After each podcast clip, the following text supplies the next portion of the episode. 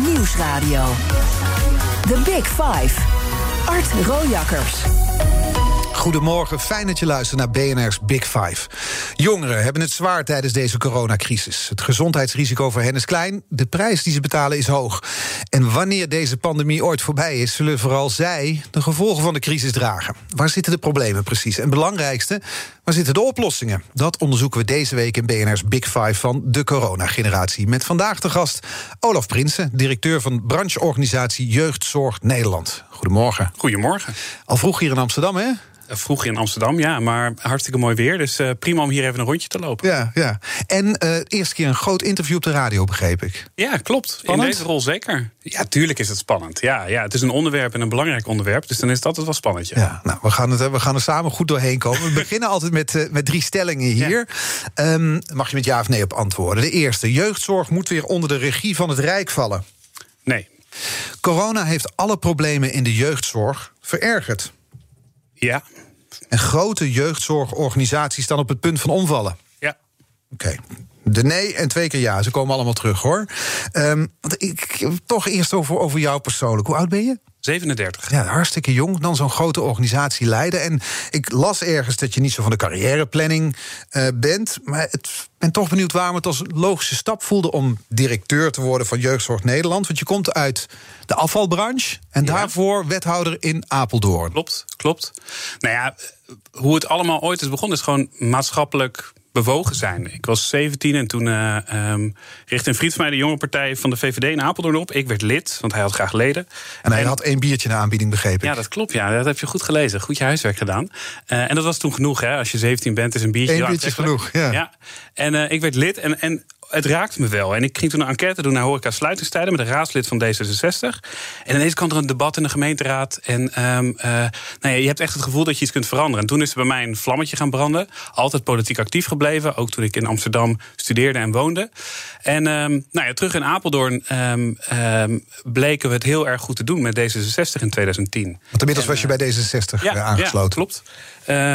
En uh, ja, in de verkiezingen van één naar vier zetels. En toen werden we uitgenodigd om te praten over uh, of we in de coalitie wilden. Ja, dat wilde natuurlijk wel, onder voorwaarden. En uh, mijn fractievoorzitter toen zei... jij wordt onze, onze wethouder. Ja, hoe oud was je toen? 26? Ja. Dus ik dacht eerst dat ze gek geworden was. ja. Echt, dat, dat dacht ik echt. Uh, maar wel met erover gepraat en in een, een klasje gezeten van D66. En uiteindelijk het gaan doen. En uh, ja, uh, waanzinnig om gedaan te hebben. Ja, en zo rol je van het een eigenlijk in het ander. Uh, ik had afval in de portefeuille in Apeldoorn. Uh, heb in een VNG-bestuur gezeten, dus de Vereniging Nederlandse Gemeenten. daar ook met afval bezig geweest. En ja, afval klinkt heel plat. Maar het is veel meer dan alleen afval. Het gaat over circulaire economie. Het gaat over werkgeverschap. Uh, meestal aan mensen aan de onderkant van de arbeidsmarkt. Uh, die vaak ook niet zelf hebben gekozen om in de afvalsector achter zo'n vuilniswagen te gaan, uh, gaan werken. Maar je wil ze wel gezond naar hun pensioen helpen. Ja. Nou, dat was een belangrijk thema. Dus ook weer dat maatschappelijke, die maatschappelijke. Ook weer de maatschappelijke, ja. zeker. Um, en verspilling tegengaan. Dus die circulaire economie was daar een thema in. En na dat vijf jaar gedaan te hebben, begon het bij mij weer te kriebelen. En toen kwam Jeugdzorg Nederland voorbij. En uh, nou ja, als je iets maatschappelijks wil hebben, is het dit wel natuurlijk. Ja, ja. Je zei in een, in, in een zinnetje, ja, je rolt van het een in het ander. Misschien geef je jezelf daarmee iets te weinig credits. Want je, je rolt niet zomaar van het een in het ander. Dit is ook omdat je iets goed doet. Dan word je gevraagd voor dingen. Ja, maar weet je wat, het is, waarom ik het ook wel zeg, is... ik heb eerlijk gezegd, en dat is er, ik begrijp dat het een hele luxe positie is... ik heb nog nooit in mijn leven een, het gevoel gehad dat ik een dag echt heb ge, gewerkt... of dat ik, dat ik met tegenzin iets heb gedaan. Ik heb de dingen gedaan die ik leuk vind, waar ik een bijdrage kan leveren... waar ik zie dat ik het verschil kan maken, of in ieder geval de gedachte heb dat ik verschil kan maken. Ja, en dat, ja, dan, dan voelt het wel als van het een en het ander rollen, eerlijk gezegd. Ja, en nu ben je dus gerold in Jeugdzorg Nederland. Ja. Sinds april vorig jaar, directeur van die brancheorganisatie. Dat betekent volgens mij dat je zelf geen jongeren en gezinnen ziet. Die, die, die, die begeleid je niet. Je bent ook nog eens nieuw in de sector. Dus hoe zorg je ervoor in deze tijden dat je weet wat er speelt? Ja, dat, dat is wel eerlijk gezegd heel erg moeilijk. Um, uh, om je even een beeld te geven, ik ben op 1 april vorig jaar begonnen. En dat was met een overhandiging van een laptop op een parkeerplaats langs de A1. Want het was echt midden in coronatijd. Ja. Dus daar werd de laptop op de parkeerplaats neergelegd. Een collega deed een stapje achteruit en ik kon hem pakken. Ja, sindsdien is dat natuurlijk niet heel erg veranderd. Dus waar ik normaal gesproken een heel inwerkprogramma had gehad... en bij onze leden, dus de jeugdzorginstellingen, was gaan kijken... gewoon wat, wat is nou die praktijk, is dat nu niet gebeurd. Dus nee. ik moet heel erg varen op interviews die we hebben, gesprekken die we hebben. En ook collega's die gelukkig dat natuurlijk wel kunnen. Er werken zo'n 40 mensen bij, uh, bij Jeugdzorg Nederland. Waarvan uh, zo'n 20 in de belangenbehartiging. Die de sector wel heel goed kennen. Die, en die spreek je dus en die vertellen wat er speelt. Want voor alle duidelijkheid, kinderen komen bij jeugdzorg of jeugdbescherming terecht als het te slecht gaat binnen een gezin, zal ik maar even zeggen. Dat wordt vaak ook bepaald door een, door een rechter. Kun je eens voorbeelden noemen, concrete voorbeelden, in, om wat voor situaties dat gaat? Ja, um, kijk, jeugdzorg is een heel breed begrip. Uh, daar heb je het over 2.000 tot 6.000 eh, instellingen, bedrijven uh, die zich met jeugdzorg bezighouden. Wij staan voor zo'n 100 organisaties die de meeste jeugdzorg in, in omzet eigenlijk uh, doen. En dat is de zwaardere jeugdzorg en jeugdbescherming. Jeugdbescherming is het geval wanneer er een rechter aan te pas is gekomen. dus het gaat zo slecht thuis door het kind dat nou ja, bijvoorbeeld ernstige gedragsproblemen heeft. Of um, de ouders die, die um, um, nou ja, niet voor het kind kunnen zorgen, om wat voor reden dan ook. Dat een rechter een uitspraak doet daarin. En die zegt. De de jeugdbeschermingsinstelling die bepaalt wat er met het kind gebeurt. Wordt onder toezicht gesteld of het moet zelfs naar een ander gezin toe uh, of naar een instelling toe. Ja, en dat zijn dan situaties waarbij kinderen dus gedragsproblemen hebben of de, de spanningen in een gezin heel erg oplopen. Precies, Ik snap dat je natuurlijk niet individuele gevallen hier zomaar op de radio kan zeggen. Maar kun je eens een voorbeeld geven van situaties die jou in zo'n eerste jaar echt bijblijven? Nou, kijk, nou, ik kan wel één voorbeeld noemen. Ik had een gesprek bij, uh, en dan, dan is het dus niet een casus, maar ik had een gesprek bij een van de jeugdbeschermingsinstanties. Een heel ander soort gesprek. Had niets te maken met wat er nu speelde, maar met, uh, met iets heel anders. En op de gang hoorden we gewoon geschreeuw en gedoe. Um, en later konden we dus niet via de, de uitgang uh, of de voor, voordeur naar buiten toe. Omdat daar een kwaad gezin stond. Waarschijnlijk met een kind dat onder toezicht is gesteld. Wat zij niet meer mogen zien. En wij moesten dus via achter naar buiten. Terwijl de, er op de politie werd gewacht. Die dan met zo'n gezin om moet gaan. Ja, dat zijn de heftige gevallen waar je het over hebt. Dat zijn ouders die hun kinderen bijvoorbeeld niet meer mogen zien. Om wat voor reden dan ook. Ja, ja super heftig. Je bent zelf vader volgens ja. mij. Nee, ja. ik ook. Ja. Je hebt ik twee kinderen toch? Bij, uh, ja, twee kinderen. Ik kan me daar echt niets bij voorstellen uh, wat er dan met je gebeurt. De andere kant van de medaille is natuurlijk dat we ook de situaties kennen waarin het niet is gebeurd. Waarin een gezinnen niet is ingegrepen en er wel iets vreselijks met die kinderen is gebeurd. En dan is er ook kritiek op het systeem. Dus het is altijd een hele lastige. Het zijn altijd de super lastige situaties waarin je over kinderen iets zegt. En anders dan bijvoorbeeld een oudere zorg, waar we allemaal weten dat onze ouders, wanneer ze ouder worden, een keer met de zorg in aanraking komt, wil je eigenlijk dat bij jongeren dit niet gebeurt. Ja. Dat het niet nodig is. Nee, dat het niet nodig is. Dat, dat wil niemand. Mm -hmm. Ja. Je bent in april begonnen ja. uh, aan deze baan. Dus met die laptop daar aan de A1, wat ja. ook een beetje als een drugsdeal klinkt. Ja, zoals dat je het omschrijft. ook wel zo. Ja. ja. Wat is je indruk na bijna een jaar als directeur? Nou, ik verwonder me wel heel erg, nog steeds. Ik voelde me eerst echt Alice in Wonderland. Van nou, wat, wat kom ik hier doen en waar ben ik terechtgekomen? Andere taal, uh, andere manier van uh, uh, vergaderen dan ik gewend ben. Ondanks dat ik in die overheidswereld groot ben geworden. Maar toch meer aan de, ja, dat noemen we dan het fysieke domein. De, de, de harde kant, mm -hmm. grondzaken, vastgoed, openbare ruimteinrichting en zo. Een andere taal? Ja, ja er zit heel veel jargon in natuurlijk. en daar moest ik wel aan wennen. en uh, dat, dat, daar, daar ben ik nu wel doorheen. Uh, ja, nou ja, weet je wat dus het stomme is? Dat je, je weet je het er, al niet meer na Nee, jaar. je weet het niet meer. Je, je, bent er nu, nu ben ik er zelf zo in dat ik dat jargon, ja, ben ik bang, ook eigen heb gemaakt. Um, maar ik ben me nog steeds wel aan het verwonderen. Dat, dat is gelukkig wel um, hoe ik erin zit. Waar je volgens mij ook over kan verwonderen, verwonderen is dat het een complexe sector is met heel veel verschillende spelers. Ja. Ja, uh, nou wat ik net zei, 2.000 tot 6.000 uh, partijen die zich ermee bezighouden. Uh, je hebt dan uh, de gemeente, je hebt het Rijk, die stelselverantwoordelijk is. Je hebt meerdere toezichtsorganen. Je hebt toch, die vergeet ik bijna, maar de regio's, die soms ook dingen aanbesteden. Het is super complex. Het is echt super complex. Ik las nog even wat dingen door van het afgelopen jaar in voorbereiding op dit interview. Ja, en dan begint het mij ook weer te duizelen. Ja. Gewoon al die verschillende factoren, al die verschillende actoren, dat duizelt, dat ja, duizelt ja, klopt. Alles en wat er soms, speelt. Uh, um, de onlogica waarbij we zelf wel gaan, zijn gaan denken... dat het heel logisch is hoe we het hebben georganiseerd. En wat ik bedoel is... Uh, als... Met een Cruyffiaanse zin, die moet je uitleggen.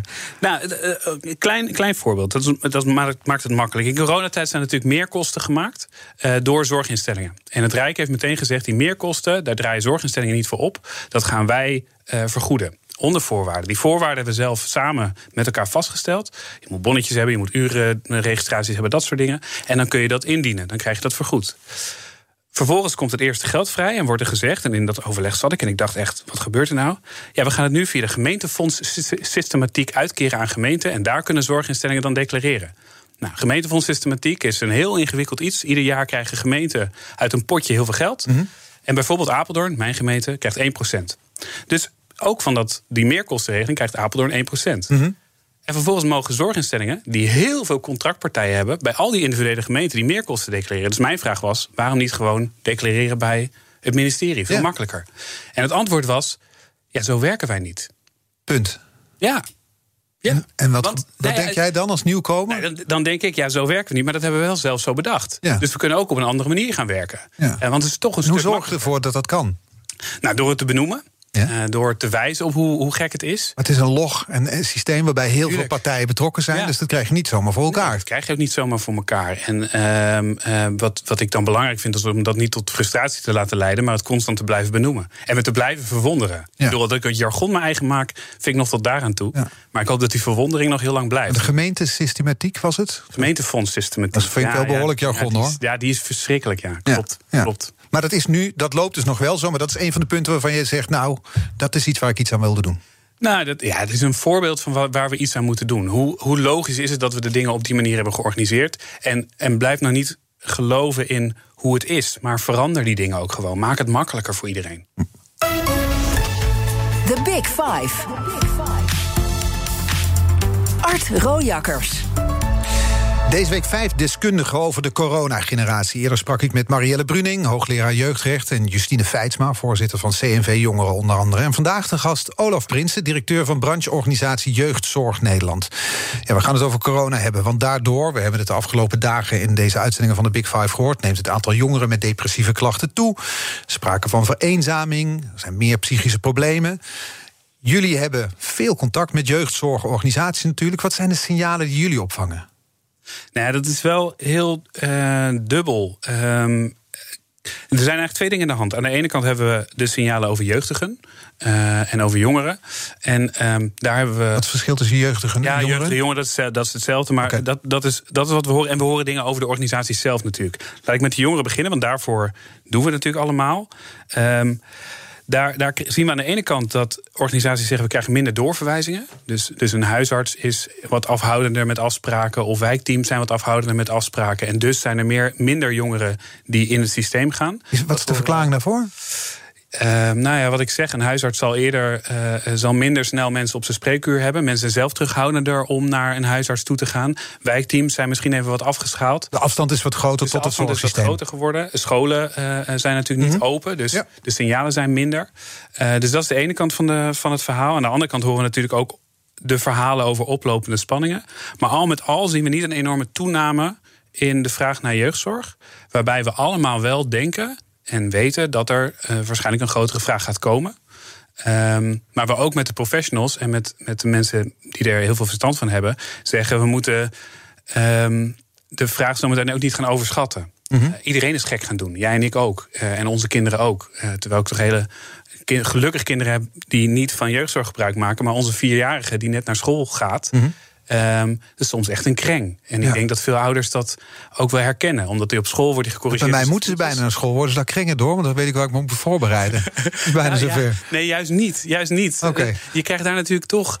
Um, je wordt er ook een beetje sociaal opgeleid. Het is ja. niet alleen maar dat je, dat je leert over dingen, maar je wordt ook door vriendjes op, op je plek gezet. En je ja. wordt ook even uit een groep gestoten op het moment dat je gewoon een naar mannetje bent. Ja. Thuis krijg je altijd maar aandacht. Ja. Um, nou, dat, maar dat is allemaal wat verstoord nu. Maar wat je eigenlijk schetst is, we hebben het idee... Hè, dat zijn ook de berichten die we hier besproken hebben... het gaat, jongeren hebben het zwaar, die vereenzaming, die psychische problemen. En aan de andere kant zien jullie nog geen grote toestroom nee. van meer vraag. Klopt, klopt. Uh, dus die zien dat betekent we dan eigenlijk dan, als, je, als ik dat als leek luister, denk ik, dat betekent dat er dus eigenlijk meer hulp misschien nodig is dan er nu geboden wordt, omdat die afstand groter is. Nou ja, of hij komt na de coronacrisis. Dus als het een beetje normaler wordt, dat dan ook mensen weer uh, dat die weer in het systeem komen en dat, dat er op dat moment een toenemende vraag komt. Dan hebben we overigens wel een probleem. Um, want wat we nu wel van organisaties horen, daar lopen mensen op hun tandvlees. Dus het is al een. Uh, de jeugdzorg is een sector met een enorme werkdruk. Mm -hmm. uh, er is, nou ja, dat, dat weet iedereen ook, te weinig geld eigenlijk. Um, en dus werken mensen zich een slag in de ronde. Ehm, de coronacrisis zorgt voor druk bij die mensen thuis, zorgt voor druk op het werk. Er is meer uitval. Ja, als dan zometeen inderdaad een soort golf komt van of golf is misschien overdreven, maar, als er meer vraag komt, dan is de vraag: kunnen wij dat wel aan? Ja, ja. Nou, en het lijkt me ook gewoon menselijk gezien, als je dus, ik denk, iedereen voelt ergens wel aan dat er achter de voordeur op dit moment meer spanning is. Je beschrijft het ook van je eigen situatie. Dus ik kan me voorstellen voor iemand die maatschappelijk betrokken is, zoals jij, of zoals de medewerkers, die, die al onder druk staan in jeugdzorgorganisaties, dat het ook frustrerend is. Dat je het gevoel hebt, we zouden nu zoveel meer willen doen, maar we kunnen er niet bij. Ja, maar wat dan voor mij nog meer frustrerend is, moet ik zeggen, is ehm, dat we niet onze kennis en expertise eh, ter beschikking kunnen stellen door die druk die we al ervaren, om er te voorkomen dat mensen in het systeem komen. Dus door nu samen te werken met scholen of met anderen, om, om uh, ervoor te zorgen dat wat niet normaal is, maar door corona komt, uh, normaal wordt in normale tijden. Mhm. uh, maar dan niet meteen in de jeugdzorg. Want je wil eigenlijk kinderen niet in de jeugdzorg hebben. Nee, je wil ze daar buiten hebben. Je wil ze daar buiten houden, ja. Nou, nou, zijn er onderzoekers uit Leiden die, die vermoeden, uh, brachten ze naar buiten, dat huiselijk geweld door corona is toegenomen. daar zijn geen concrete cijfers over, maar juist door de coronacrisis zouden slachtoffers minder vaak hulp zoeken, eigenlijk wat je zelf ook beschrijft. Is dat iets wat jullie vanuit de jeugdorganisaties ook zien? Of zijn die berichten dus bij jullie niet zo bekend? Ja, dat is weer meer veilig thuis. Dat, dat is waar meldingen van huiselijk geweld binnenkomen. En daar verschilt het volgens mij ook nog heel erg per regio. Mhm. Dus de ene horen we, Veilig Thuisorganisatie horen we wel van... er zijn meer meldingen. Andere horen we juist er is minder melden, te melden. Dus het is wisselende berichten. Het is moeilijk om daar een beeld van te krijgen. Ja. Nou is het wel zo dat kinderpsychiaters en jeugdzorgorganisaties... of jeugdorganisaties al eerder waarschuwden... voor de psychische schade van de coronamaatregelen. De voorzitter van Jeugdzorg Nederland, dus jouw collega Hans Spicht... Ja. Die pleit onlangs voor een mentaal steunpakket. Ja. Ik wist sowieso niet zo goed wat het is en waarom daar zo dringend behoefte aan is. Nou, even mijn, mijn, vertaling ervan, om het, om het iets makkelijker te maken. We hebben het altijd heel erg over het leren. En daar is vanaf het begin af aan, toen, toen corona insloeg natuurlijk en scholen dicht moesten, hebben we geprobeerd om met elkaar ervoor te zorgen dat kinderen door konden leren. Alleen het is natuurlijk veel meer. Wat ik net zeg, onze, onze oudste Pepijn, die leert nog niet zo heel veel op school, maar die leert zich vooral sociaal gedragen. Ja. Um, dat stuk, dat is ook een mentaal steunpakket waar we eigenlijk voor pleiten. Zorg ervoor dat het niet alleen gaat om dat cognitieve, om het leren, maar zorg er ook voor dat in kleine groepjes het sociale door kan gaan. Dus uh, opene buurthuizen. Um, zorg ervoor dat kinderen elkaar kunnen treffen. Nou, dat gebeurt natuurlijk deels met sporten, maar ook op andere manieren. Dus ja, ik moet er niet aan denken dat ik nu 18, 19 uh, zou zijn geweest. Uh, want toen ik 18, 19 was, uh, en wellicht herken je dat ook, maar ging ik stappen. kom je meisjes tegen? Mm -hmm. weet ik veel wat er allemaal gebeurt? Um, ga je soms een grens over? Um, en, en leer je van al die dingen. Ja, en dat kun je, niet doen als je op je kamer zit in, in isolement. Nou ja, ja uh, we hebben wat sollicitanten de laatste dagen gehad voor een functie bij ons. Um, junior functie. Die zijn dan net klaar met studeren. Die zitten nu op een kamer van 13 vierkante meter alleen maar. Ja, dat is natuurlijk verschrikkelijk. Dat is, en dan, dan kun je misschien het studeren mogelijk maken. En dat je online je hoorcolleges volgt. Ja. Dat is allemaal prachtig. Maar als je alleen maar op die 13 vierkante meter zit, word je gek. En bovendien is het dus de tijd waarin je ook andere dingen leert. Dat is dat mentale steunpakket dat er ook voor moet zorgen dat um, nou ja, kinderen. Um, uh, niet alleen maar leren in, ja. het, in, in de zin waar we het altijd over hebben. Ja, het leven is meer dan leren, het ja, leven is ook spelen. En ik, daardoor... ik heb meer geleerd van de keer dat ik ben blijven zitten, misschien wel. Uh, dan uh, zeven jaar op de middelbare school. Ja. En, en, ook met studeren. Ik heb drie jaar Europese studies gedaan. Daar niet, mijn bul niet voor gehaald. Mhm. Daarna rechten. Nou, die drie jaar waren super waardevol voor me. Dus wat moet er dan in zo'n steunpakket zitten? Nou, ik, ik denk um, dat we dan dat we daar uh, het met het hele brede veld. En over een uurtje begint weer een overleg dat we wekelijks met het brede veld hebben. Dus met van sociaal werk, die veel meer de jongerenwerkers heeft en het over buurthuizen heeft, tot en met de zware vormen van jeugdzorg. Moeten kijken hoe kunnen we ervoor zorgen dat.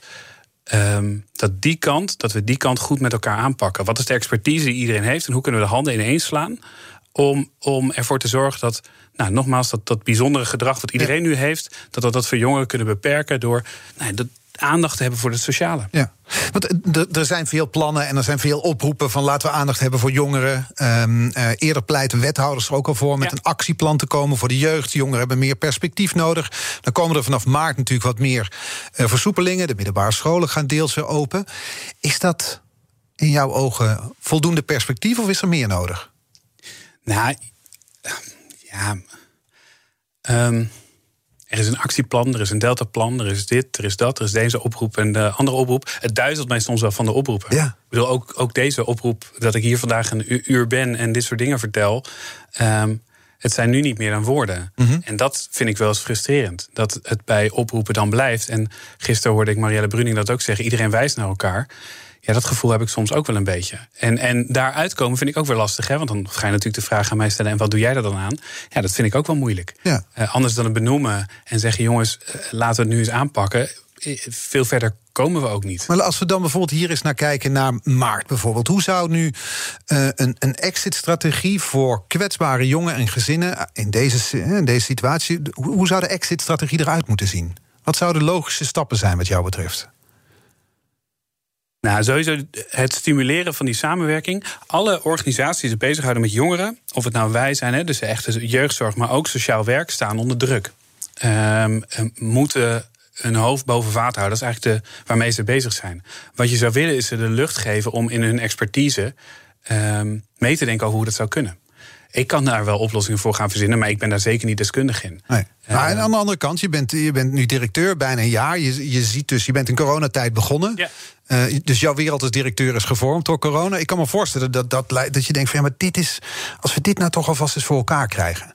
Nou, dat, dan is dat wel wat ik net zeg. Uh, uh, um, de mensen die zich bezighouden met de jeugd, met jeugdzorg, die hebben natuurlijk ook verstand ervan om te voorkomen dat kinderen in de jeugdzorg gaan. Alleen ze zijn nu bezig met het hoofd boven water houden. Met tijdschrijven, met zichzelf verantwoorden, met allemaal van dat soort dingen. Eigenlijk, bureaucratie. Ja, bureaucratie. De fouten van het systeem die worden extra uitvergroot in deze coronatijd. Uh, en dat maakt dus ook dat die mensen geen lucht hebben om die expertise te gebruiken. Ja. Om te praten met die jongerenwerker, om het overleg te hebben met de school, om, nou ja, uh, um, vanuit hun expertise naar het kind te kijken of naar kinderen te kijken. Ja. Want die, die, je zegt al, die jeugdzorg staat onder druk. En dan komt nu die administratieve rompslomp, de bureaucratie komt erbij. Uh, organisaties zitten financieel zwaar weer in sommige gevallen. Gemeenten kampen ook met tekorten. We, hadden het er al over dat je zegt, ja, er komt misschien wel een golf aan... dan niet een derde golf van corona, maar een golf van meer jongeren straks na corona. Meer gezinnen die een beroep gaan doen op, op ja. jeugdzorg. Kunnen organisaties dat straks aan? Nou, daar heb ik wel, daar heb ik wel mijn zorgen over, ja. Ja. Daar heb ik wel mijn zorgen over. En die zorg die komt dus omdat we al onder druk staan. Nou, iedereen staat onder druk. Wij zien uitval bij, bij medewerkers. Dat is ook wat we in de laatste enquêtes van jeugdzorgorganisaties horen. De medewerker krijgt nu ook last van. Uh, meer uitval. En die uitval zit hem in omdat het werk nou eenmaal moeilijker is geworden door corona? Nou, omdat het thuis zwaar is. Dus, dus net zoals jij en ik, ja, we thuis zwaar. We moeten ook voor het gezin uh, zorgen. Um, en dan is het op het werk ook nog zwaar. Mm -hmm. Nou, die, die dingen samen, die maken dat, we, dat er meer uitval is. En als je dan al... Dat het systeem onder druk staat. Ja, ja dan, dan is dat echt de combinatie van die dingen samen. Ja. Die maken dat ik denk, nou, ik ben heel benieuwd hoe dat zo meteen gaat. Als er inderdaad meer kinderen um, jeugdzorg gaan vragen. Of meer gezinnen jeugdzorg gaan vragen. Is het iets waar je op kan voorbereiden? Nou, in ieder geval door het nu iedere keer te benoemen. Um, kijk, dat er meer geld bij moet, die boodschap is nu wel helder volgens mij. Dus dat is ook wel iets waarvan ik al in overleg en nu zeg, nou, dat, dat, ik herhaal het nog een keer, maar dan is het ook wel klaar. Dit is nu even het punt waar ik aandacht voor wil vragen. We praten zo verder met uh, Olaf Prinsen, directeur van Jeugdzorg Nederland. Want de jeugdzorg en jeugdbescherming liggen al jaren onder vuur. Vanuit verschillende hoeken werd alarm geslagen. Welke concrete stappen zijn er gezet om de jeugdzorg te verbeteren? Daar gaan we het zo over hebben in het tweede half uur van BNR's Big Five. BNR Nieuwsradio. The Big Five. Art Rojakkers. Welkom bij het tweede half uur van BNR's Big Five. Deze week vijf kopstukken uit de wereld van de coronageneratie. Eerder deze week sprak ik onder andere met Maurice Knijnenburg... voorzitter van de Nationale Jeugdraad. En morgen spreek ik met Eveline Kronen... die gespecialiseerd is in het puberbrein. Vandaag de gast Olaf Prinsen, directeur van Jeugdzorg Nederland. Um, ja, laten we het hebben over de staat van de jeugdzorg. Want de inspecties hebben meermaals alarm geslagen over het jeugdstelsel. Zou onder het niveau zijn gezakt. Jij waarschuwde net ook over die hoge werkdruk. Zakt de kwaliteit van de jeugdzorg door corona nog verder weg? Nou, of het nog verder wegzakt, weet ik niet. Maar het wordt wel nog duidelijker dat het systeem niet goed in elkaar zit. Dan kijk je mij aan van, leg maar uit. Precies. Uh, nou, er is vijf jaar geleden gedecentraliseerd. Dus het is naar gemeenten gegaan. Mm -hmm. um, waarbij eigenlijk jeugdzorg heel breed is neergezet. Dus alles valt onder jeugdzorg. Dus als je kind um, uh, lichte ADHD heeft. Um, dan zit hij in hetzelfde stelsel als een kind met zware gedragsproblemen. die niet meer thuis kan zitten, uit huis geplaatst is en misschien wel gesloten zit. En um, de gedachte erbij is geweest: we gaan ook concurrentie bevorderen. Want nou ja, dat is goed voor de prijs en dat is goed voor de kwaliteit, misschien wel marktwerking. We zien dat in die lichtere vormen en in de middelzware vormen, daar is ook wel, zijn veel meer partijen opgestaan. Alleen de zware vormen niet. En als we hebben de financiële cijfers allemaal vergeleken met elkaar, dat doen wij niet alleen, maar dat doen ook accountants en anderen. En dan zie je dat die lichtere en middelzware vormen, dat daar nog wel winsten worden gemaakt, maar in die zware vormen niet. En het is eigenlijk heel gek dat we dus een stelsel hebben ingericht wat, wat goed is voor nou ja, om het, om het maar de lichtere gevallen, zou ik ja, wel parafraseren? Nou ja, dat, datgene wat je, wat je niet direct zou organiseren als je morgen het opnieuw zou moeten doen. En datgene wat je morgen bij de kop zou pakken, als buurt, als buren, als, omdat je ziet dat het echt misgaat in een gezin daar, dat staat onder druk. Dat is eigenlijk heel raar. Ja, dat is zo. En, en ik wil nog even terug naar 2019. Toen kwam een rapport van de commissie De Winter. Uh, mijn gast van gisteren, Marielle Bruning, zat in die commissie. Conclusies van die commissie waren niet mals. Kwetsbare kinderen zouden onvoldoende beschermd worden. In het rapport staan schokkende verhalen van uh, systematisch extreem geweld. Nou is dat natuurlijk van voor jouw tijd. Maar heb je er een visie op hoe het zover heeft kunnen komen? Nou, ik heb wel er een visie op over wat we er nu aan, aan doen. Kijk, um, gelukkig is het wel zo dat we met elkaar proberen te leren van dat soort dingen. Dus er zijn allerlei uh, initiatieven om, om het beter te gaan doen. Uh, om ervoor te zorgen dat dat soort dingen niet meer voorkomen. Nou, gisteren hebben jullie het ook over wachtlijsten gehad. Om die wachtlijsten weg te werken. Om ervoor te zorgen dat, dat kinderen wel meteen in de jeugdbescherming terecht kunnen komen. Um, maar dat, dat, dat, het, het, het, idee is, het moet beter, dat zal logisch, dat zal iedereen onderschrijven. Maar hoe het kwam dat het zo ooit zo was. Want dat waren, was in een systeem waarin mensen het beste voor hadden met kinderen, neem ik aan. Dus hoe kan dat dat het gebeurde? Ja, dat, dat durf ik eerlijk gezegd niet te zeggen. Hoe dat, hoe dat kan en hoe dat zo extreem uh, uh, mis kan gaan. Um, maar wat je, wat je, je wil dat natuurlijk niet. Niemand in het systeem wil dat het zo gaat. En dus werden er aanbevelingen gedaan door de commissie om die bescherming te verbeteren. Volgens die commissie zijn de resultaten tot nu toe, die verbeteringen, hè, teleurstellend. Wordt weinig mee gedaan. Ja, en dat. Dat vraag ik me in die zin af dat het altijd beter kan en sneller kan. Maar er zijn ook heel erg veel voorbeelden van waar het wel beter gaat. Ook maar weer even, gisteren hebben we het ook gehad over de gesloten instellingen. Um, daar zijn programma's om ervoor te zorgen dat die kinderen zo thuis mogelijk gaan wonen. De situatie zoals die gisteren werd beschreven, van de tralies ervoor en dat soort dingen. Uh, alsof je een gevangenis ingaat. Um, daar willen we met elkaar allemaal vanaf. Allereerst mhm. willen we eigenlijk al niet dat kinderen gesloten gaan zitten, maar dat ze thuis opgroeien. En als dat niet kan, dan zo thuis mogelijk. Ja. Laten we voor de duidelijkheid, want je, noemt iets inderdaad dat Marielle Bruning gisteren benoemde. Laten we het even terugluisteren, want we weten luisteraar waar we, het, uh, waar we het over hebben. Voordat we de coronacrisis instapten, waren de zorgen torenhoog. Echt, wat mij betreft was het 5 voor 12. Het ging enorm slecht. Maar dat was niet alleen mijn visie. De inspectie Gezondheidszorg en Jeugd heeft dat uh, gezegd. En, en er zijn veel rapporten die er lagen. Nou, wat ging er slecht? Um, we hebben veel te veel wachtlijsten. We hebben een te uh, weinig passend aanbod voor jongeren. Nou, een, een, voorbeeld: jongeren worden in het ergste geval worden ze in een gesloten, uh, gesloten accommodatie geplaatst. Mm -hmm. Dat is niet omdat ze een uh, strafbaar feit hebben gepleegd, maar omdat het zo slecht met ze gaat. En bijvoorbeeld omdat ze in een open instelling weglopen. Mm -hmm. Die zitten in een gesloten setting. Um, maar na een paar maanden eh, is, blijkt vaak dat ze of daar niet uh, passen, of dat er te weinig uh, hulp wordt geboden daar. En dat ze best wel naar een open instelling kunnen. Die plekken zijn er niet. Nee, dus kinderen die onnodig vastzitten, je, je benoemt het nu zelf ook, die onnodig vastzitten in een gesloten jeugdzorginstelling, dat is niet te verantwoorden. Nee, dat is het ook niet. En dat is ook precies wat ik bedoel met het systeem is eigenlijk zo opgebouwd dat je marktwerking maakt en al dat soort dingen. Terwijl ik het zou willen omdraaien.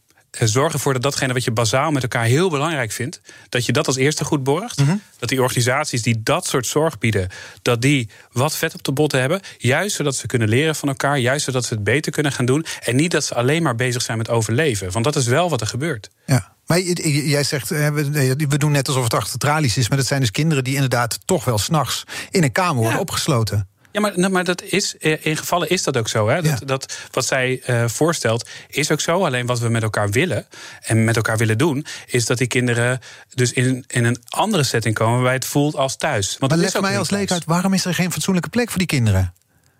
Nou ja, omdat we aan de ene kant zeggen wij willen dat, en aan de andere kant er bezuinigd wordt hierop. En juist als je zegt je moet zo thuis mogelijk opgroeien, dan moet je dus ook met elkaar en als maatschappij en als, als rijk en als gemeente accepteren dat je dan ook boter bij de vis doet. Dat dus je dan het is ook niet het systeem, het is puur geldgebrek. Het is geldgebrek en het systeem. Het systeem maakt het ook. Het, het systeem maakt ook dus dat we uh, in concurrentie zitten in, op plekken waar ik zeg: waarom wil je daar met elkaar concurreren? Het gaat hier over zulke zware vormen van jeugdzorg. Dat is, het is bijna als de IC van een, van een ziekenhuis. Um, terwijl er wordt gedaan alsof het een heupenfabriek is. Ja. Snap je dus, ik bedoel? Dat, ja, ik snap het heel goed. Maar toch zei je over de jeugdzorg moeten onder regie van het Rijk vallen. Dus niet onder de gemeente. Zei je nee, zei je nee op. Dat niet. Nou, dus, omdat dus ik niet heel het bang systeem ben als, weg. Nee, kijk, als, als we dat weer gaan zeggen, uh, dan gaat het weer over het stelsel. En dan gaat het er weer over dat het maar naar het Rijk moet en dan is alles opgelost. Terwijl dat het niet is. Het is niet alleen dat. Het is ook um, uh, zeggen: dit is de belangrijkste vorm van jeugdzorg. Ga er nou minder concurrentie, uh, uh, ga er nou van minder concurrentie uit, minder controle, dwang van gemeenten, minder contracten door gemeenten. Als jij zoiets specialistisch aanbiedt, Um, dan heb je vaak maar een paar plekken en werk je soms wel voor 50 gemeenten. Ja. Iedere gemeente heeft zijn eigen contractvorm. Ja. ja. weet je wat dat met zich meebrengt? Dat zeg je eigenlijk gewoon weg met de marktwerking? Nou, voor een deel wel, ja. Ja, bij de zwaardere vormen van zorg, waarom zou je daar marktwerking hebben? Toen, nou ja, dan loop ik al bijna vooruit op de kettingvraag, dus dat moet ik natuurlijk niet doen. Um, Laten we die zo dan doen, want ik wil nog ja, één ander ja, punt dat Marielle Bruning aanhaalde, wil ik met je bespreken. Er zouden volgens haar honderden kinderen op een wachtlijst staan die wachten op een jeugdbeschermer. Dus kinderrechters die hebben er al eerder de noodklok over geluid. Um, dat leidt er dus toe. Dat zijn kinderen die in een, in, een, in een gevaarlijke situatie kunnen zitten. Maar die staan op een wachtlijst. Waarom lukt het maar niet om die wachtlijsten weg te werken? En we hebben gisteren daar nog even, want we hoorden natuurlijk uh, uh, haar verhaal. We hebben nog even met jeugdbeschermers ook gebeld. Uh, met jeugdbeschermingsinstellingen. Dat over 800 kinderen. ja, en gelukkig is het zo dat die wachtlijst versneld is weggewerkt. Dus er is een, die is er niet meer. Nee, er is, daar is geen, die wachtlijst is er niet meer. Er zijn wel wachtlijsten met waar gaan we dan met die kinderen naartoe. Dus de kinderen hebben dan een jeugdbeschermer. Um, maar waar gaan ze naartoe? Omdat vaak die zwaardere vorm van jeugdhulp. Want de, jeugd, de jeugdbescherming die zorgt, zegt eigenlijk uh, wat er met die kinderen moet gebeuren. Terwijl in de jeugdhulp, daar komen ze terecht. Uh, daar zijn vaak ook weer wachtlijsten. Dus je hebt eigenlijk op twee plekken wachtlijsten. Uh, en dat komt dan weer door wat ik net zei: een marktwerking op de verkeerde plek. Heel erg beknibbelen. Uh, uh, eigenlijk zeggen: je moet altijd plek hebben voor 24 uur zorg. Maar aan de andere kant dat niet verwerken in het tarief als gemeente. Want daar wil je niet voor betalen. Je moet wel lean en mean moet je jezelf hebben georganiseerd. Ja, dat, die dingen gaan niet samen. Nee, het is het een of het ander. Het is ja. het een of het ander. Ja. Is het zo dat, als ik het scherp stel, dat het zo kan zijn dat kinderen nu sterven doordat jeugdzorg de zaken niet op orde heeft? Ja, die vind ik wel heel heftig gesteld. Kijk, wat zo is. Wat kan het? Ja, dat, daar ga ik geen uitspraak over doen. Maar wat, ik, wat zo is en wat ik heel confronterend dat vind... Dat, je niet kan, het betekent dus niet dat je durft te zeggen nee. Maar dat komt ook door de doelgroep met wie we werken. Met de, de kinderen en gezinnen waarvoor we werken. Het we zijn... hebben dus een systeem in Nederland wat, waarmee we kwetsbare kinderen proberen te beschermen. Waarvan we niet durven te garanderen dat door de wachtlijsten die er zijn, door de problemen die er zijn, dat er nu kinderen sterven omdat de zaken niet op orde zijn. Het is de andere kant. Het is je, we hebben een systeem in Nederland waar we proberen kinderen en gezinnen waar het slecht gaat, waar sprake is van misschien wel misbruik of, of ernstige dingen of kinderen met, met suïcidale gedachten. We hebben een systeem gelukkig gebouwd waarin we proberen kinderen daarvan te redden. Uh -huh. Alleen dat systeem, om ze te proberen te redden, is niet perfect. En, Sterk nog verre van perfect als je de commissie hoort. Ja, als ja, ik ook jouw verhaal ja. hoor. En, en, en dan zitten we nu dus in een situatie waarin de directeur van Jeugdzorg Nederland, jij, hier niet kan garanderen. Nee, het is niet zo dat er kinderen niet sterven doordat wij onze zaken niet op orde hebben. Ik vind dat je hem te hard stelt. Want wat ik ook zeg. Het, uiteindelijk gaat het om kinderlevens. Nee, wat, wat, ik ook, wat ik hier ook op antwoord, is dat geen goed antwoord. Want of ik, ik bagatelliseer het probleem, of ik maak het probleem uh, groter, maar er, daar, daar is geen goed antwoord op het Laat ik het persoonlijk maken dan, want je zit, binnen, je zit nu bijna een jaar in deze functie. Je zei het al, ik doe het vanuit maatschappelijke betrokkenheid. Ja. Dat is de rode draad in je carrière. Dit zijn de zaken waar je s'nachts van wakker ligt, kan Zeker. ik me voorstellen. Dit zijn inderdaad de zaken waar je s'nachts van wakker ligt. En vooral dat, omdat ik denk dat we het uh, beter zouden kunnen organiseren. En relatief eenvoudig beter zouden kunnen organiseren. als we het verschil maken tussen lichtere vormen van zorg. waar jij en ik, uh, ik nou, laat ik even voor mezelf spreken, mhm. misschien ook wel eens uh, um, vraag naar heb van een kind die slecht slaapt of die, die, die angsten heeft. En de zware vorm van zorg waar het over gaat. Laten we, dat, laten we dat onderscheid eens maken. En laten we dat ene dan organiseren in een, uh, uh, in een regio met vaste soorten contracten, met vaste tarieven waarin alles wordt verwerkt. Dan durf ik wel te stellen dat het beter gaat. En we beter dat doel om die kinderen die kwetsbaar zijn en die gezinnen die kwetsbaar zijn, dat we die behoeden voor de ellende. Ja. Gisteren zei Marielle Bruning, wat ook een probleem is, is dat niemand lijkt de bal op te pakken of op te kunnen pakken. En als ik zo naar je luister, naar jouw beschrijving, dan staat er iemand tegenover met dadendrang, want iemand die iets wil aanpakken, dat, dat blijkt uit de manier waarop je je verhaal vertelt. Maar we zitten in een soort Kafkaeske situatie die je beschrijft, die niet uit te leggen is, maar waardoor wel kinderen op een wachtlijst staan, kinderen in een gevaarlijke situatie zitten en kinderen onnodig in een gesloten instelling zitten. Ja. Dat klopt. Ja. En daarom ook onze oproepen constant aan, aan Rijk en aan gemeenten. Maar die bal ligt dus ook bij jou, bedoel ik maar te zeggen. Ja, die bal ligt zeker ook bij ons. Die bal ligt zeker ook bij ons. En dat, daarin willen we dus ook van elkaar leren. Welke instellingen doen het beter? Welke doen het het best? Uh, hoe kunnen we die aan elkaar verbinden, zodat anderen daar ook van leren? Um, maar het is ook wel een oproep aan, aan het Rijk om bijvoorbeeld ervoor te zorgen dat de zware vormen van zorg, dat je dan ook erkent dat dat dus niet lean en mean kan. En dat je dat niet moet willen, omdat je daarmee er dus voor zorgt dat er wachtlijsten ontstaan. Ja, dus vandaar wat je zegt, stop met de marktwerking voor dat soort gevallen en zorg dat er gewoon genoeg budget is. Want dan met geld kunnen we dit oplossen. Nou, met geld kunnen we het oplossen, maar vooral ook met minder regeldruk. Maak je niet zo druk over hoe duur een traject is voor een kind die het echt nodig heeft dat, dat is niet iets, en ik kan, het, ik kan het zeggen, want ik ben natuurlijk zelf in die gemeente uh, actief geweest. Dat is niet iets waar een gemeenteraad zich mee bezig moet houden. Met dure trajecten of dure zorg. Dat is zo specialistisch. Laat dat nou niet bij een gemeente. En eigenlijk is dat ook wel een fout van het stelsel. Het is aan gemeenten gegeven, maar zonder handvatten. Waar kun je en moet je nou op sturen? En waar ook vooral niet op? Waar laat je de professionals hun werk doen? BNR Nieuwsradio. The Big Five. Art Rojakkers. We hadden het al over die kettingvraag. Uh, Olaf Prinsen, directeur van Jeugdzorg Nederland. Want gisteren was hier dus Marielle Bruning te gast, hoogleraar jeugdrecht aan de Universiteit Leiden. Ze had een vraag voor je, een kettingvraag. Je liep er al op vooruit, maar laten we eerst naar de kettingvraag luisteren. Ik hoor in mijn omgeving, en ik zie dat zelf ook, dat de situatie van de jeugdbescherming niet in de laatste vijf jaar uh, slechter dan ooit is geweest. Maar eigenlijk als je het over twintig jaar bekijkt, dat dit de slechtste, het slechtste moment is voor jeugdbescherming in zo'n welvarend land als Nederland. En ik vraag me af of hij dat herkent. En ik wil hem graag vragen. Er wordt alleen nu heel veel over geld. En gemeenten moeten meer geld krijgen. Er liggen rapporten dat er te weinig geld van, de, van het kabinet naar de gemeente is. Maar wat moet er nou anders dan geld gebeuren om die kinderen die in de jeugdbescherming zitten meer en beter passende hulp te bieden. Ja, we hebben het al gedeeltelijk besproken natuurlijk. Het zit hem niet alleen in geld, zei je al. Nee. Nee, nee, dit was een van die verwonderpunten in mijn, mijn eerste tijd. Ehm, toen ik kwam, moest ik uh, eerst met corona bezig. Persoonlijke beschermingsmiddelen, mondkapjes voor het zorgpersoneel in de jeugdzorg. Maar na een paar maanden kreeg ik de tijd om ook gewoon over stelsel te lezen. Hoe hebben we het nou met elkaar geregeld? Toen heb ik nog een bestuurslid gebeld, speciaal over jeugdbescherming, omdat ik dacht dit kan niet waar zijn. Dit kan niet zijn dat we dat zo hebben georganiseerd. En wat kan hier niet waar zijn? Jeugdbescherming um, komt om de hoek kijken bij de uitspraak van een rechter. Dus de rechter doet de uitspraak, staat gewoon in de wet. Uh, een kind wordt onder toezicht gesteld of uit huis geplaatst. Um, dat is meegedecentraliseerd. En dat zit in concurrentie met elkaar op de markt. Dus we hebben. Een uitspraak van een rechter en vervolgens gaan we richting marktwerking. Ja, ja bij, bij 14, 15 instellingen die door het land opereren, eigenlijk hun eigen vakgebied tussen aanhalingstekens of regio hebben waar ze opereren. Um, en dat mag dan met elkaar concurreren. Ja, daar snap ik dus echt helemaal, helemaal niks van. Uh, dat we dat zo hebben georganiseerd. Want dat, daar wordt niemand beter van.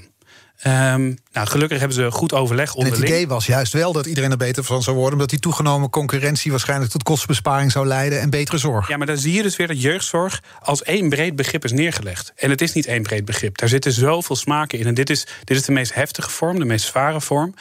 Nou, wat wij dus zeggen, en, en als antwoord op haar vraag... maak het een eenvoudig stelsel. Doe het of onder regie van het Rijk of onder regie van, van regio's. Dat, dat maakt nog niet zoveel uit, maar maak het eenvoudiger. Um, ga minder uh, uh, uit van verantwoording. Ja. Uh, minder verantwoordingsplicht richting de gemeente. Wat precies elk uurtje is gedaan, wat er wat precies is gedaan. Dat, laat dat aan die professional over. En hou op met die concurrentie en dat soort dingen. Ja. Nou, nou zat je in het college uh, van Apeldoorn samen met Paul Blokhuis, met ja. staatssecretaris van Volksgezondheid. Hoe vaak app je hem over dit soort kwesties? Zeg je, Paul, kom op, we moeten dit aanpakken.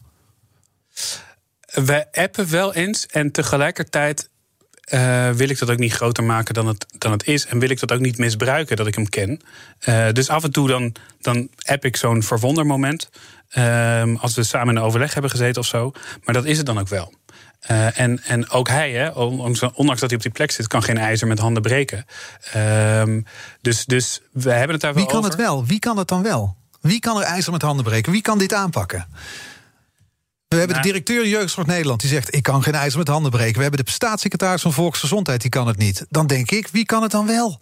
Ja, ik denk dat we dat met elkaar kunnen. En ja, maar met elkaar zijn jullie verantwoordelijk voor een systeem waarvan je zelf zegt: het is soms niet uit te leggen. Het is Kafkaesk. Nee, maar als op het moment dat we nu ons al beter gaan houden. en we zijn er ook wel met, met de sociale partners in SER-verband over aan het praten. Um, als wij onszelf beter houden bij de rol die we hebben. Uh, dus wij uh, laten de professionals hun werk doen als jeugdzorginstellingen. De instelling zorgt voor de goede voorwaarden waaronder ze dat kunnen doen. Gemeente geeft heel beperkt opdrachten en gaat niet vertellen hoe het precies moet gebeuren. En um, het Rijk treedt op als een gemeente niet aan zijn taak voldoet. Dan gaat het eigenlijk goed. Ja, maar het gaat dus niet goed. Dus. in zo'n hok. Ja. Komt het eigenlijk op neer. Maar dat moet iemand dus. Iemand moet het in gang zetten. En dan kan je zeggen: ja. ik wil niet misbruik maken van dat, dat app-contact dat ik wel eens met Blokhuis heb. Ik wil het ook niet groter maken, groter maken dan het is. Maar iemand moet die bal in beweging brengen. Ja. Want anders dit, blijft nou het zoals het is. En dit, dit verhaal uh, vertellen we dus met elkaar. Uh, uh, maar vertellen is niet genoeg. Nee, nou, en, en, ik hoop dat we daar op deze manier verandering gaan krijgen. En maar hoop is ook niet genoeg. Nou, de, de, de, de, laatste daad die we dan hierin hebben gesteld, is dat we vorige week hebben gezegd. toen er een commissie was die uh, uh, gaat kijken naar, naar de tekort in jeugdzorg. hoe je dat nog kunt beperken. Wij doen hier niet aan mee. Ja. Weer een commissie, niet, hè? Zeg je? Weer een commissie. Weer een commissie. Wij doen daar ook niet aan mee. Nee. Dit is niet nodig nu. Dit, is, dit geeft ook een verkeerd beeld dat je in drie maanden een probleem op kunt lossen van zes jaar. Wij doen hier niet aan mee. Er zijn andere dingen die nu moeten gebeuren. Rijk ga je gedragen als stelselverantwoordelijke. Uh, zorg ervoor dat gemeenten gewoon rekeningen betalen. Want in coronatijd is dat een ander probleem. Mhm. Mm -hmm. Dat uh, jeugdzorgaanbieders, omdat ze bijvoorbeeld via beeldbellen doen in plaats van face-to-face, -face, niet betaald krijgen. Want in het contract staat: je moet kinderen zien. Nou, via beeld is dat niet zien, dus, dus geen geld niet betaald. Ja. Nou ja, en dan sta je ja. dus zo onder druk. En wij zeggen dus, Rijk, pak die rol. Ja. Pak die rol en zorg ervoor dat gemeenten betalen. Maar dat heb je dus dan Paul Blokhuis dan bijvoorbeeld? Ja. ja. En wat zegt hij dan? Um, ik kan geen ijzer met handen breken. Nee, nee dat, is, dat is ook te kort door de bocht. Uh, uh, dan, dan hebben we het erover en hoop ik dat het Rijk ook die bal echt oppakt. Maar dat is dus wel. Dan, dan vraagt het dus ook van het Rijk en van gemeenten om. Um, om niet vast te zitten in het systeem. Ja. Om Kijk, te durven zeggen, ik ben het daarmee eens. En we gaan het gewoon doen. Van buitenaf is het altijd makkelijk beredeneren. Dat snap ik ook. Maar je, als je het zo zegt, dan denk je... er moet iemand zijn die nu met zijn vuist op tafel slaat... iedereen uitscheldt, koppen tegen elkaar slaat... en nu gaan we het aanpakken. Ja. Ja. Maar wie moet dat doen? Ben jij dat? ik als ik jou voor een jaar uitnodig, heb je het dan gedaan? Is het dan veranderd? Nou, wat ik je wel wil toezeggen is dat ik, jaar in functie. Uh, ik wil wel toezeggen dat ik me dan ben blijven verwonderen en iedere keer dit, dit uh, heb benoemd. En ook uh, bijvoorbeeld, en dat is nu wel eentje die, die we oppakken. ik wil uit de frustratie stappen van in werkgroepen zitten. En ik wil dat ook onze leden meer van elkaar gaan leren. Dus wat we wel doen, en waar we het nu wel met onze vereniging over hebben, eh, is hoe kunnen we ervoor zorgen dat als een lid ergens in het zuiden het goed doet, dat die in het noorden het ook weet. En mm -hmm. dat die best practices, dus het goede voorbeeld, kan worden gedeeld en we het met elkaar steeds beter gaan doen. En dat we vervolgens dan kunnen zeggen, maar verder dan dit kunnen we niet gaan. Nee. Nu hebben we jullie nodig, Den Haag. Ja. Nu hebben we jullie nodig, gemeente. Ja. Ik vraag het ook omdat volgens pedagoog Michael de Winter iedereen in de sector eigenlijk naar elkaar wijst. Hè, ook naar het systeem wijst. En dat doet hem denken aan de toeslagenaffaire. Daar spelen Hmm. alle partijen elkaar ook continu de bal toe. Het probleem blijft bestaan. De Winter vreest voor hetzelfde scenario in de jeugdzorg. Nou ja, ik snap die vergelijking wel. En tegelijkertijd zie ik gelukkig wel dat leden, uh, en dat willen we dus ook laten zien aan leden, dat er leden zijn die individueel hele goede ideeën hebben, die echt willen leren. Het eergisteren nog een filmpje gezien van een van de bestuurders die in gesprek gaat met oud-cliënten die gesloten hebben gezeten. Hoe heb je dat ervaren? Wat gaat er mis? Wat gaat er goed? Hoe hadden we het beter kunnen doen? Ehm, dat is een voorbeeld waarvan ik hoop dat de sector dat gaat volgen. Dus dat anderen dat ook doen. En daar hebben we niet meer geld voor nodig. Daar hebben we niet uh, andere regels voor nodig. Of weet ik veel wat. Dat kunnen we zelf. Alleen, het probleem is met een sector die zo onder druk staat... dat je zelf vaak die ruimte niet meer gunt. Dat je niet meer de ruimte gunt om van elkaar te leren. Mm nou, ik hoop dat wij als vereniging daarbij kunnen helpen. Dat we dat nog meer kunnen doen. Het gebeurt al met programma's, maar dat we dit ook als vereniging kunnen zonder dat er een subsidie bij hangt of weet ik veel wat. Daarmee accepteren we niet hoe het zit, maar, maar gaan we het beter maken. Alleen, ik weet wel dat we daar wel anderen ook voor nodig hebben. Dat we daar die gemeente voor nodig hebben die niet meer ieder uurtje verantwoord wil zien in een productcode waar er tienduizenden van zijn. En dat er een rijk is die zegt: wij gaan ook niet wetten maken over uh, uitvoeringszaken. Dat is de professional die dat maar moet doen. Ja. Dus dat op die manier iedereen toch zijn eigen rol meer gaat invullen. Ja. Uh, morgen hier te gast, ja. Evelien Kronen. Ze is gespecialiseerd in het puberbrein. Nou zijn jouw kinderen nog wat jonger, maar misschien gaat het leerzaam zijn. Wat zou je van haar willen weten? Nou, ik heb er wel lang over nagedacht. Um, en hij hangt samen met waar we het al wel over hebben gehad. Ik vond dat relatief laat de aandacht kwam in, in de hele coronapandemie voor het sociale en het effect van het, het missen van het sociale. Het ging eerst echt over leren. Hè? Hoe maken we online lessen mogelijk? En ik vind het wel exemplarisch voor wat we de afgelopen tien jaar hebben gezien. Uh, je mag korter studeren, moet binnen vier jaar af. Mm -hmm. uh, nou, al dat soort dingen.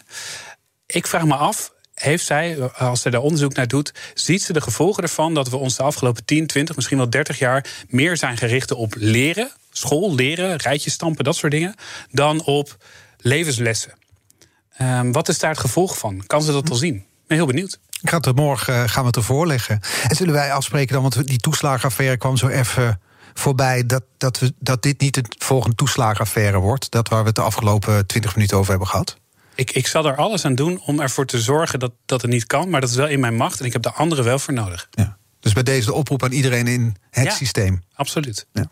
Ik wens je er heel veel succes bij. Um, het wordt een, eh, een, eh, een, bewogen periode die eraan komt en die je al achter de rug hebt. Je hebt geen ma makkelijke baan. Maar veel succes en dank voor de komst. Olaf Prins, de directeur van Jeugdzorg Nederland. Um, zometeen op deze zender Ivan Verrips met BNR Breekt. Ik wil nog heel eerst zeggen dat BNR's Big Five terug te luisteren is. Onze podcast is te vinden in de BNR-app en ook op bnr.nl. Morgen hier dus de gast Eveline Kronen, gespecialiseerd in het puberbrein. Tot bij BNR ben je altijd als eerste op de hoogte van het laatste nieuws. Luister dagelijks live via internet. Jelle Maasbach. Wesley Weert. We zijn er voor je met het leukste, opvallendste, maar natuurlijk ook het belangrijkste nieuws. Tijdens de presentatie van die halfjaarcijfers toen die beurskoers in elkaar kukkelde. BNR Beurs. Voor de slimme belegger. Blijf scherp en mis niets.